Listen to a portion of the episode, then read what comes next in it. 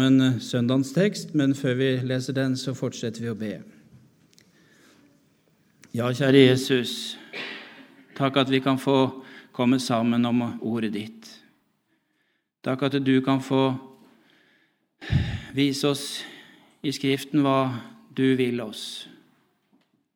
At du vil oss det beste, og du vil ha oss hjem. Takk for det vi ble møtt med til åpning. Du er en som ønsker å gi oss seierskransen og ikke la våre fiender få triumfere over oss. Men at vi kan få nå helt hjem til den evige hvile. Vær du nær og velsign ditt eget ord. Amen.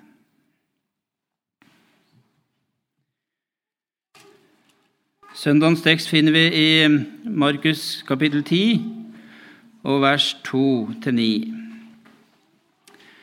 Noen farisere kom da til ham, og for å friste ham spurte de, har en mann lov til å skille seg fra sin hustru? Han svarte og sa til dem, hva har Moses foreskrevet dere? De sa, Moses tillot å skrive et skilsmissebrev og skille seg fra henne. Men Jesus sa til dem, fordi dere har så hardt et hjerte, skrev han dette bud for dere. Men fra skapningens begynnelse gjorde Gud dem til mann og kvinne. Derfor skal mannen forlate sin far og sin mor og holde seg til sin hustru, og de to skal være ett kjød. Så er de da ikke lenger to, men ett kjød. Derfor, det som Gud har sammenføyd, skal et, men, skal, det skal ikke et menneske skille.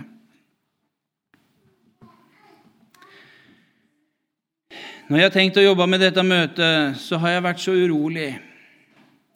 Både urolig for hva jeg skulle si, men også urolig for dere som hører. Det er så lett å trå feil, ordlegge seg på måter som enten sårer eller på andre måter får målbært budskapet, slik at det på menneskelig vis støter.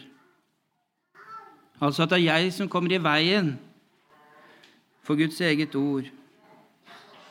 For når Guds ordet rammer, da er det Gud som virker.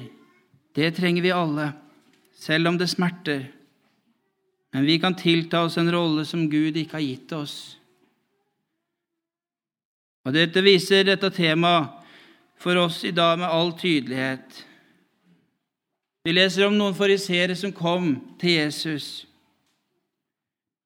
med et spørsmål om skilsmisse.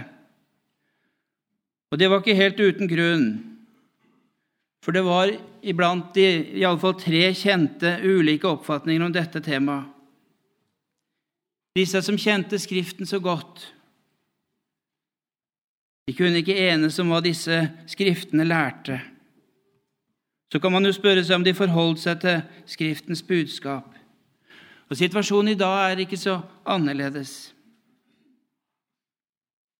Men Guds ord og Gud er ikke slik at Skriften kan legitimere flere syn.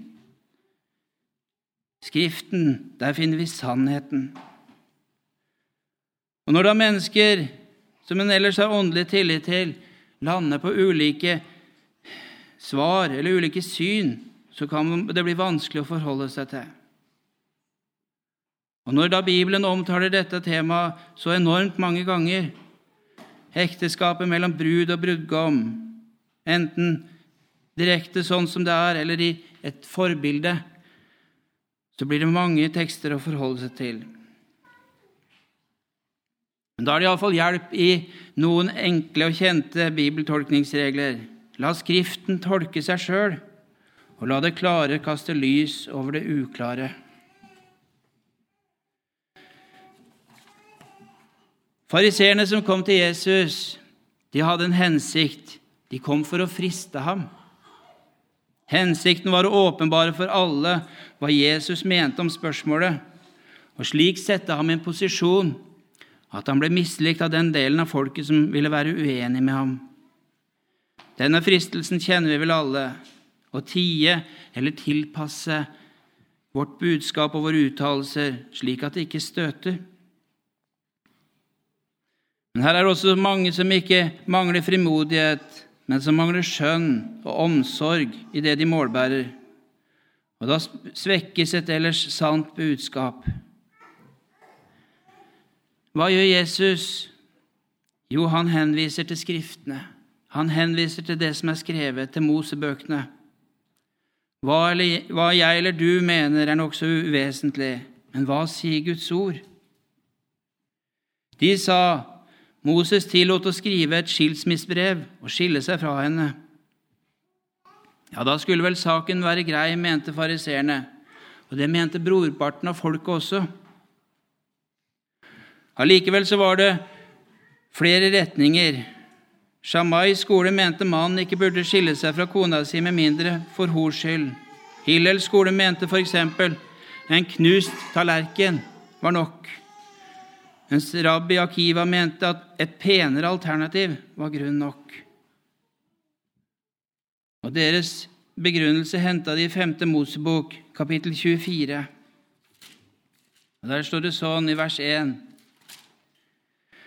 Dersom en mann tar seg en hustru og gifter seg med henne, og han ikke bryr seg om henne lenger fordi han har funnet noe ved henne som byr ham imot, da kan han skrive et skilsmissebrev og gi henne i hånden og sende henne bort fra sitt hus.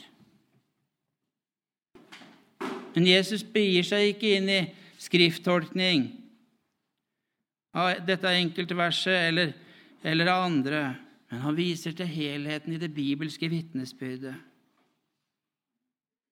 Og skriftordet som fariseerne henviser til, det forklarer han. Fordi dere har så hardt et hjerte, skrev Moses dette. Og Så plasserer dermed ikke Jesus seg i noen av disse retningene. Men så sier han, men fra skapningens begynnelse gjorde Gud dem til mann og kvinne. Det Gud har sammenføyd, det skal et menneske ikke skille. Ekteskapet det består av en mann og en kvinne, to kjønn som gjennom sin skapelse avbilder Guds eget vesen. Dette ekteskapet er velsigna av Gud, er rammen Gud har gitt for å gjøre, føre slekten videre. Ekteskapet er en pakt mellom to mennesker og tilhører Guds skaperordning. Da forstår vi motsetningen til 5. Mosebok 24, vers 1. Skilsmissebrevet var en del av syndefallsordningen. Det onde var kommet inn i verden gjennom syndefallet, og med det ble også ekteskapet utfordra gjennom fristelser og fall. Dette ga oss denne hardhjertaheten som Jesus anfører som årsak til at Moses skrev det han gjorde. Ekteskapet var tiltenkt å gi menneskene en trygg og god ramme for samlivet og for den oppvoksende slekt. Men djevelen setter inn støtet der han kan ramme oss, og der er ekteskapet intet unntak. Enten vi er en del av et ekteskap, eller om vi ikke er det. Man kan bryte seg inn, og man kan bryte seg ut av et ekteskap. Når da den onde på en eller annen måte lykkes, og parforholdet ikke kan reddes, da forstår vi sammenhengen Moses skriver inn i. Men målet med ekteskapet er det livsvarige, det er det byggende, det er det forpliktende, det er det nyskapende. Det er som nevnt en del av skaperordningen. Og Her skulle den som hører Herren til, strekke seg etter dette forbildet i forholdet mellom Kristus og menigheten. Vi leser i Efeserne kapittel 5, vers 31. Derfor skal mannen forlate sin far og sin mor og holde seg til sin hustru, og de to skal være ett kjød. Denne hemmeligheten er stor. Jeg taler her om Kristus og menigheten. Denne hemmeligheten er stor. Her er forbildet. Her er hva vi skulle på en måte søke å ligne. Hvordan er så forholdet mellom Kristus og menigheten? Og det vet vi.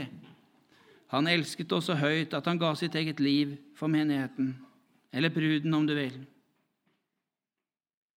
Og så er det noe annet forbilde i dette, i dette forholdet. Brudgommen tvinger ikke, og hans kjærlighet endres ikke om bruden svikter eller forlater ham. Kristus søker derimot det fortapte, det, for, det som er forlatt. Han søker ingen erstatning om bruden skulle forlate ham. Han venter, speider og kaller bruden tilbake igjen. Det står en veldig kamp om ekteskapet i dag.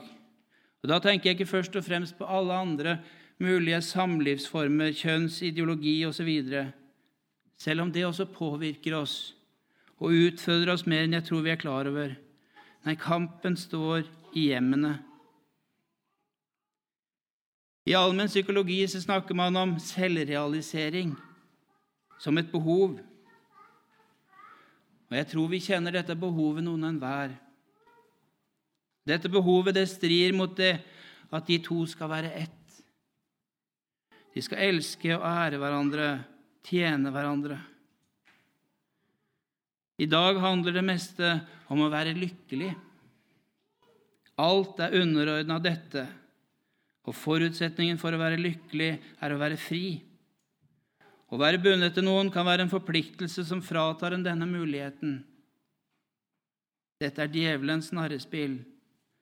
Og så slår djevelen inn en kile i ekteskapet som, om den fortrenger stadig dypere inn, vil gjøre stor skade. Og Dessverre er min erfaring at ofte er det ikke bare selve ekteskapet som tar skade, men ofte får det store åndelige konsekvenser for både mann og kvinne og barn. Ja, I en slik situasjon er det mange som forlater venneflokken og hele sin tro. Og Dette er det verdt å merke seg i alle faser av livet, men særlig for dere unge som kanskje ikke har trådt inn i ekteskapet. En grunnleggende forskjell fra tidligere er at det har sneket seg inn en stadig økende grunnholdning, også blant kristne, at det finnes en bakdør. Det er ikke så endelig, det valget man gjør av livsledsager som før. Og det brer seg derfor om med både skilsmisse og gjengifte. Mye av dette har sin rot i at man ser på jordlivet som noe langvarig, som noe varig, som man må gjøre det maksimale ut av. Og ikke som et kortvarig liv, et liv i påvente av evigheten, et liv der det handler om å være rede for å møte Frelseren. Ser man det slik, da handler ekteskapet om noe mer enn om å dele livet med den man er blitt glad i. Da handler det om å være to som kan hjelpe hverandre, og de barn det eventuelt måtte bli, på veien hjem til himmelen. Men derimot, når det handler om å være lykkelig, og det trumfer alt, ja, da får man straks utfordringer med Skriften. Og enten velger man å tilpasse, seg, tilpasse Skriften og budskapet, eller å se helt bort ifra Skriften Men dette er et sikkert tegn på at vi har blitt grundig lurt. Vi skal synge det etterpå.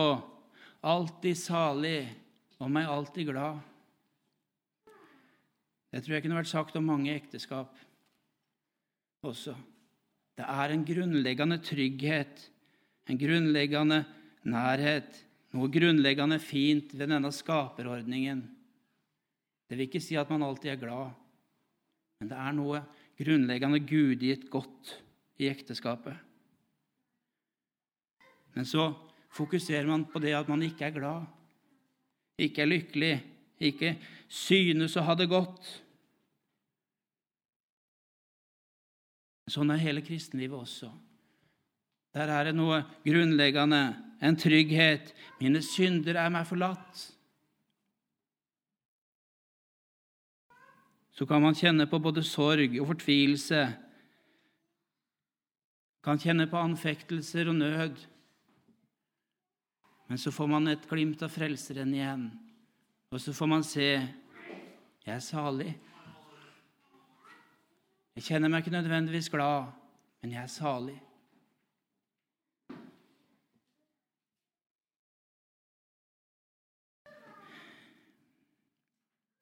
Måtte vi ikke la oss narre her.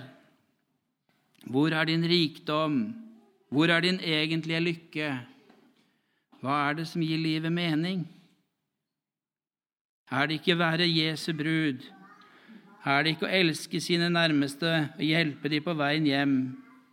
Er det ikke å virke for sjelenes frelse? I versene som følger vår tekst, så spør disiplene Jesus mer om samme tema. Der sier Jesus, 'Den som skiller seg fra sin hustru og gifter seg med en annen, gjør seg skyldig i hor mot henne.' Og dersom en kvinne skiller seg fra sin mann og gifter seg med en annen, så driver hun hor.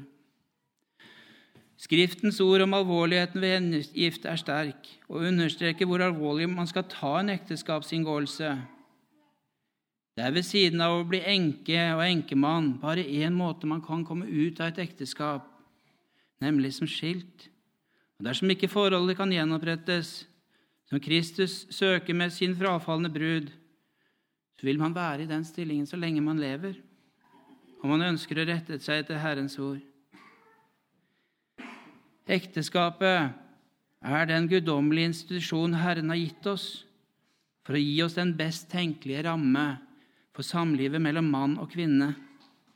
Herren har satt sitt seil på det for å vise hvor høyt denne sammenføyningen er akta i Guds øyne. Da må ikke synden få triumfere over oss, som vi hørte, og få vinne slikt rom at seilet brytes. Så innebærer dette en stadig kamp. Det er ikke uten grunn at man sier at eh, ønsker å se hva som bor i deg, så er det bare å gifte seg. Jeg ble i hvert fall veldig overraska. Se hva som var i meg. Jeg trang ikke å se hva som var i, i kona mi. Jeg hadde mer enn nok med å se hva som var i meg.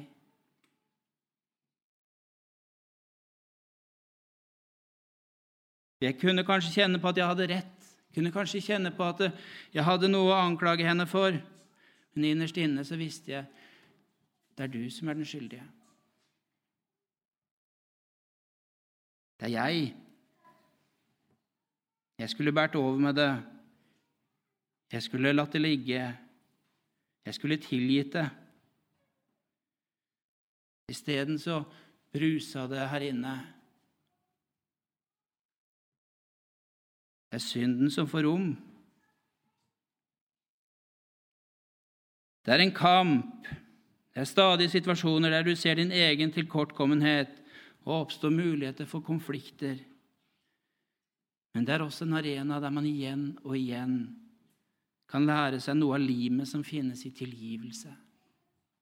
Kunne få gjort opp, kunne få legge ting bak seg. Det er tilgitt. Og så er det en nyttig øvelse å vinne seg selv om hva man så i den andre, som man mente var grunner til å gifte seg med vedkommende. Vi kan som mennesker endres i åras løp. Men når man ser lenger enn til ytre skjønnhet, er det noen grunnleggende kvaliteter som man verdsetter, som trolig vil være der gjennom livet, men som i perioder kan blekne mot de utfordringer man måtte møte. Så kunne man få øynene opp for de igjen. Det var jo derfor jeg ble glad i vedkommende. Derfor jeg ville ekte og leve livet sammen med vedkommende. Men så er det bagatellene, eller for så vidt også store ting, som kan ta plassen. Så mister man glimtet og synet på, på hva som var utgangspunktet. Og så er det alltid et perspektiv man må ta med seg, hva man gjennom livet gir videre som eksempel til sine barn. Er det et liv der det hangler og går, og man stadig jakter selvrealisering, realisering av egne behov, der man i liten grad evner å tilgi? Eller der man søker å tjene hverandre og tilgi der man måtte forgå seg? Barna tar dette til seg. Og så er det midt i alt noe grunnleggende godt å kunne søke trøst, visdom, tilgivelse og alt hva man måtte trenge hos vår Frelser. Han vokter over dette ekteskapet. Det er hans ordning, og han vil oss gi den hjelp som bare han kan gi.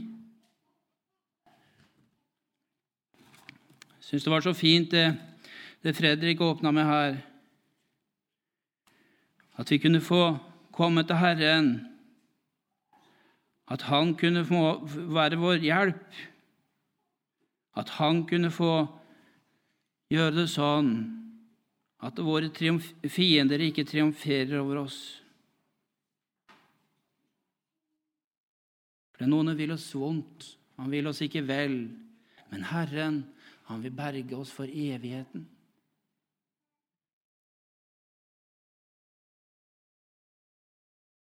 Jeg så en sånn kalender med et bilde av et ektepar, og under så sto det det er ikke engler han tar seg av.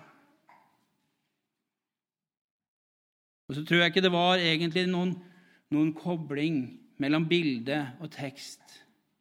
Men det ble talende for min del. Det er ikke engler han tar seg av. Han tar seg av syndere. Han tar seg av mennesker som faller, som trenger tilgivelse. Vi har en nådefull Herre som vil oss så vel, som vil oss godt i dette livet, og som først og fremst har oss hjem. Hjem til himmelen.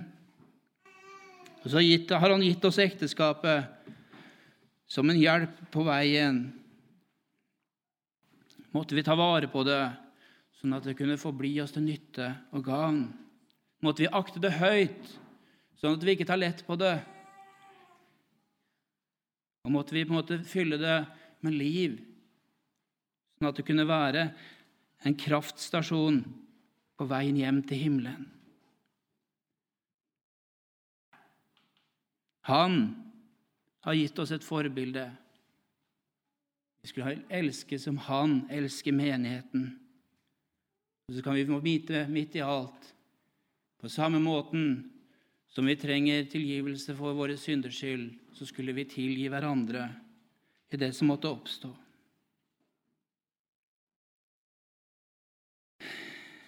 Ja, kjære Far og Frelser, takk at vi kan få komme fram for deg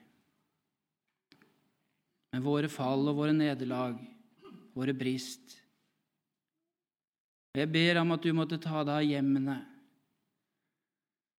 at du kunne få være oss nær, at vi kunne få lære av deg, at du kunne få være et forbilde. Jeg ber om at du kunne få komme inn i hjertene, inn i samlivene, inn i sinnet våre som den som vil oss vel. At ikke djevelen måtte slå inn kiler, at synden måtte få rom, men at vi kunne få være på veien sammen, og at vi kunne få våre med oss hjem til himmelen.